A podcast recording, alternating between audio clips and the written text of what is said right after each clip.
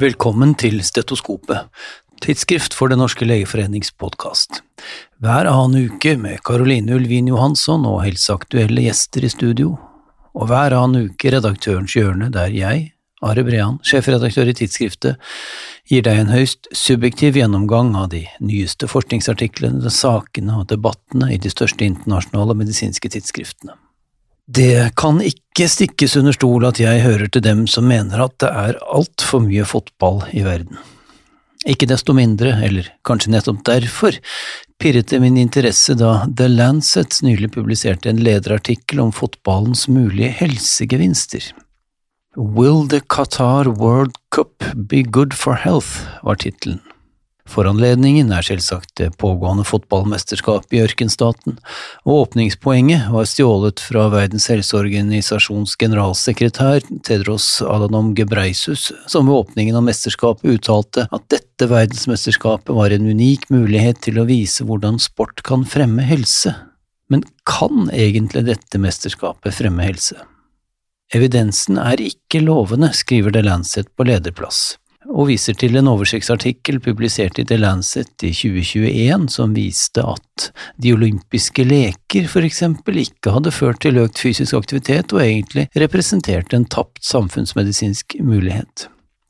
Det holder vel bare å se på hvem som er hovedsponsorer for denne fotballfesten, nemlig Budwiser, McDonald's og Coca-Cola, selskaper som alle tjener sine penger på befolkningens usunne levevaner og som dertil er kjent som store klimaverstinger og til dette utgangspunktet kan man legge de vel kjente og dødelig helseskadelige arbeidsforholdene for Qatars migrantarbeidere, de som har bygget fotballens kjempearenaer, og på toppen kan man balansere homofile og transpersoners rettigheter og status i deler av det internasjonale fotballmiljøet som personer som har en citat, skade på sinnet, citat slutt, som Qatars VM-ambassadør Khalid Salman uttrykte det om homofile og miksen av alt dette er neppe et helsefremmende sportsarrangement.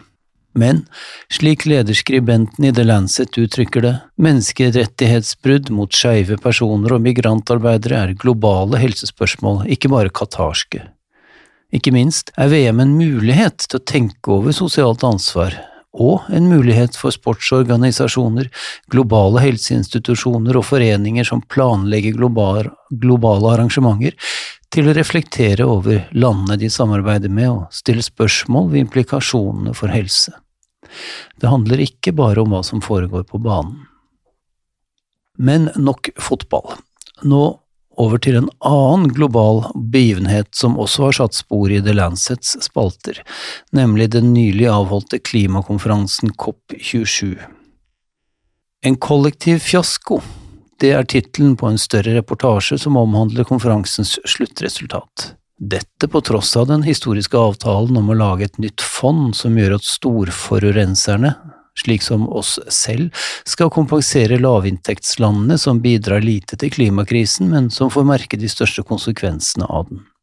En slik avtale er viktig ikke minst av helseårsaker, fordi mye av skadene som påføres de hardest rammede landene nettopp er skader knyttet til helse, så som ødelagt, forurenset og ustabil vannforsyning og sanitærsystemer, og som den klimarelaterte fremveksten av vektorsykdommer, og som klimaødelagte avlinger og ustabil matforsyning.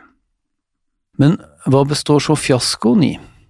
Jo, i den manglende fremgangen i å begrense bruken av fossile brennstoffer, noe som vil få dramatiske helsekonsekvenser ifølge The Lancets kilder. En nylig FN-rapport konkluderte for eksempel med at under gjeldende politikk vil den globale temperaturen øke med 2,7 grader celsius innen utgangen av dette århundret, noe som vil få dramatiske konsekvenser for både helsen til planeten og dens innbyggere. Eller som Marina Romanello, leder for The Lancet Countdown, sa det, helse er fortsatt underlagt fossilt brensel. Vi skal holde oss til det globale ennå en liten stund. I New England Journal of Medicine skriver Anthony Fauci, den nylig pensjonerte smittevernsjefen for til sammen syv amerikanske presidenter, om nye og gamle infeksjonssykdommer, under den talende tittelen It ain't over till it's over, but it's never over. Fauci illustrerer spennet i sin over 50 år lange karriere med å sitere fagartikler orakler fra 1960- og 70-tallet som predikerte at spesialiteten infeksjonssykdommer kom til å forsvinne, rett og slett av den fremtidig forventede mangelen på infeksjonssykdommer. I dag, derimot, er det ingen som helst grunn til å tro at trusselen om nye infeksjoner vil avta, siden de underliggende årsaker fortsatt er til stede og mest sannsynlig øker. Fremveksten av nye infeksjoner og gjenkomsten av gamle er i stor grad et resultat av menneskelig interaksjon med og inngrep i naturen. Og når grensesnittet mellom menneske og dyr blir forstyrret, skapes muligheter, ofte hjulpet av klimaendringer, for at stadig nye ustabile smittestoffer kan dukke opp, krysse artsbarrierer og spre seg blant mennesker. It is never over. Og nærmest som et ekko av nettopp denne artikkelen kommer den nyeste artikkelen fra den gigantiske Global Burden of Disease-studien, eller rettere studien ned. Denne gang er det en systematisk analyse av den globale dødelighet assosiert med 33 bakterielle patogener i 2019, og studien er nå nettopp publisert i The Lancet. Infeksjonssykdommer er fortsatt den ledende dødsårsaken globalt, men hvor stor del av dette som skyldes bakterielle patogener, har ikke før vært kartlagt så grundig som her. De fem viktigste patogenene er staphylococcus aureus, E. coli, streptococcus pneumonia, klebsiella pneumonia og pseudomonas aeruginosa og de var ansvarlige for rett over halvparten av alle bakterierelaterte dødsfall i verden i 2019. Og de dødeligste patogenene varierte etter sted og alder. Den aldersstandardiserte dødeligheten assosiert med disse fem bakteriene var høyest i Afrika sør for Sahara, med 230 dødsfall per 100 000 innbyggere, og lavest i høyinntektslandene i verden, med 52 dødsfall per 100 000 innbyggere. Eh, Staphylococcus aureus var den ledende bakterielle dødsårsaken i 135 av verdens land, og var også assosiert med flest dødsfall hos voksne. Og blant yngre eh, barn, altså yngre enn fem år, var streptococcus pneumonia assosiert med flest dødsfall. I hele 2019 ga bakterielle infeksjoner mer enn seks millioner dødsfall over hele kloden, med luftveisinfeksjoner og blodforgiftning som de viktigste, fulgt av peritoneale og intraabdominale infeksjoner. Og siden vi nå først snakker om globale infeksjonssykdommer.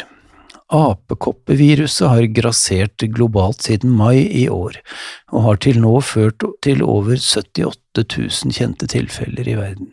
De fleste av disse er menn som har sex med menn, men hvor mange av de rammede er kvinner eller transkvinner, og arter sykdommen seg ulikt hos disse? Det har en studie, også publisert i The Lancet, satt seg fore å undersøke. Studiens metode var enkel. Forfatterne, hovedsakelig tilknyttet en London-basert forskningsgruppe på seksuell helse, kontaktet samarbeidspartnere i 15 land med kjent høy forekomst av apokoppesmitte, hovedsakelig i Europa og på det amerikanske kontinent. De ba om data på kvinner og transkvinner som hadde blitt diagnostisert med apekopper. Denne metoden fanget opp til sammen 136 tilfeller med en medianalder på 34 år hvorav 69 var kvinner og 62 var transkvinner. 89% hadde hatt en mannlig seksualpartner siste måned før diagnosetidspunktet. 27% hadde kjent hiv-infeksjon, 50% blant transkvinnene. Symptomer og kliniske funn var i all hovedsak like som hos menn, med overveiende genitale og anorektale lesjoner og en uforholdsmessig høy andel av kjent hiv-infeksjon. Konklusivt altså, apekoppinfeksjon ser i denne bølgen ut til å arte seg relativt likt hos kvinner, transkvinner og menn, både klinisk og demografisk. Og la oss holde oss til kvinnehelse ennå litt.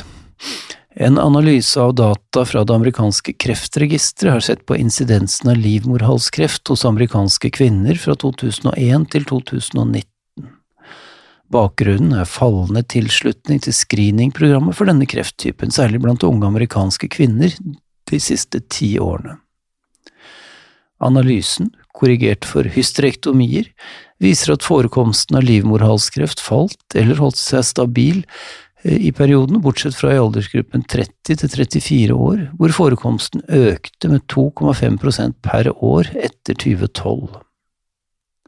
Den observerte økningen kan være reell, og altså reflektere en reell økning i forekomsten av livmorhalskreft, noe som igjen kan ha å gjøre med nedgang i antallet unge kvinner som tar kreatisk screening. Eller økningen kan skyldes økt tidlig oppdagelse og altså reflektere en stabil forekomst av livmorhalskreft. Anbefalingen om samtidig screening med HPV-testing og cytologi kan imidlertid ha ført til økt påvisning av tidlig stadiumkreft. I så fall vil den økte forekomsten forvente å avta i fremtiden. Nye data vil vise mer om noen år. Og igjen ser vi altså problemene med å vurdere underliggende trender i data fra befolkningsscreeninger. Mer kvinnehelse. Nå til en studie fra Norge publisert i PLOS Medicine for en ukes tid siden.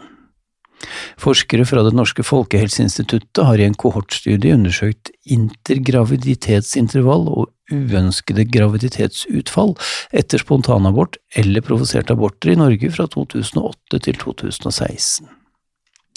Utgangspunktet er anbefalingen fra Verdens helseorganisasjon om å vente med å bli gravid på ny i minst seks måneder etter spontanabort eller provosert abort for å unngå komplikasjoner i neste svangerskap.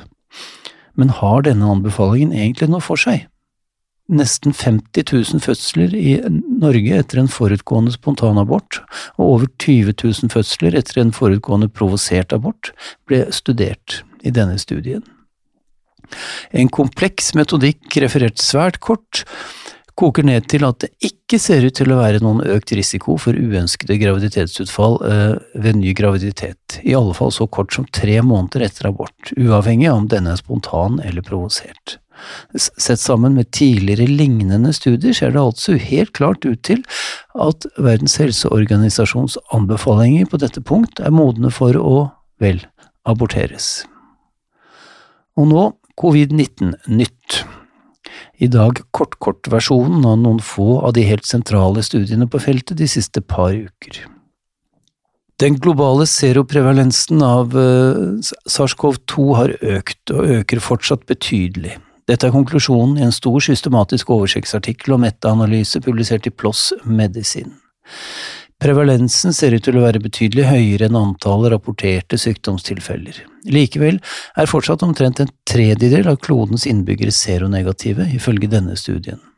En uh, studie som inkluderer samtlige individer med bekreftet SARS-CoV-2-smitte i Danmark mellom 1. januar 2020 og 31. januar 2022, også publisert i PLOS Medisin, konkluderer med at hos mennesker med tidligere gjennomgått SARS-CoV-2-infeksjon er, er, det å gjennomføre en standard vaksinasjonsserie assosiert med signifikant beskyttelse mot ny infeksjon, om enn noe lavere beskyttelse mot omikron-varianten enn mot tidligere varianter.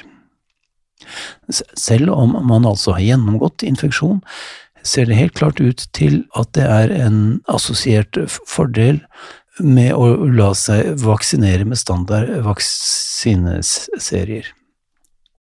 En randomisert studie som inkluderte over 1000 helsearbeidere fra fire land, publisert i Annals of Internal Medicine 29. november, konkluderer med at N95-masker beskytter dobbelt så godt mot SARS-CoV-2-infeksjon som standard medisinske munnbind og N95-masker, for den som måtte lure, det er omtrent det samme, men ikke helt, som det som innen EUs jurisdiksjon er kjent som FFP2-masker, altså disse spesialvevede maskene som kan minne om et andenebb i utformingen. Årsaken til den bedre beskyttelsen er sannsynligvis en kombinasjon av vevingen, som gir bedre beskyttelse både for bærere og omgivelser, og av at disse maskene slutter tettere til ansiktet enn de mer slumsete, ordinære munnbindene. Og helt til slutt i dag skal vi tilbake til sportens verden, nærmere bestemt til motorsykkelstevner. Slike store stevner er, i alle fall i USA, nærmest definisjonen på risikosport. Flere av dem kan samle titusener og hundretusener av motorsykkelentusiaster til dagevis med kjøring, og ulykkesfrekvensen er høy. Og folk som omkommer i motorsykkelulykker, ender oftere opp som organdonorer enn folk som dør av andre årsaker. Det er for så vidt kjent, men forskere i Boston, der de formodentlig ikke driver med noe sånt som motorsykkelstevner, har spurt seg om man kan se noen økning i hyppigheten av organtransplantasjoner i forbindelse med disse stevnene, Og ja, det kan man. Data fra det nasjonale transplantasjonregisteret viser at det er en 21% økning i antallet organdonorer per dag i områder der slike stevner pågår, sammenlignet med de fire ukene før og etter studiet, eh, etter stevnet. Og studien er publisert i Yama Internal Medicine. Jammen er det mye rart man kan forske på. Kjør for all del forsiktig inntil neste gang vi høres.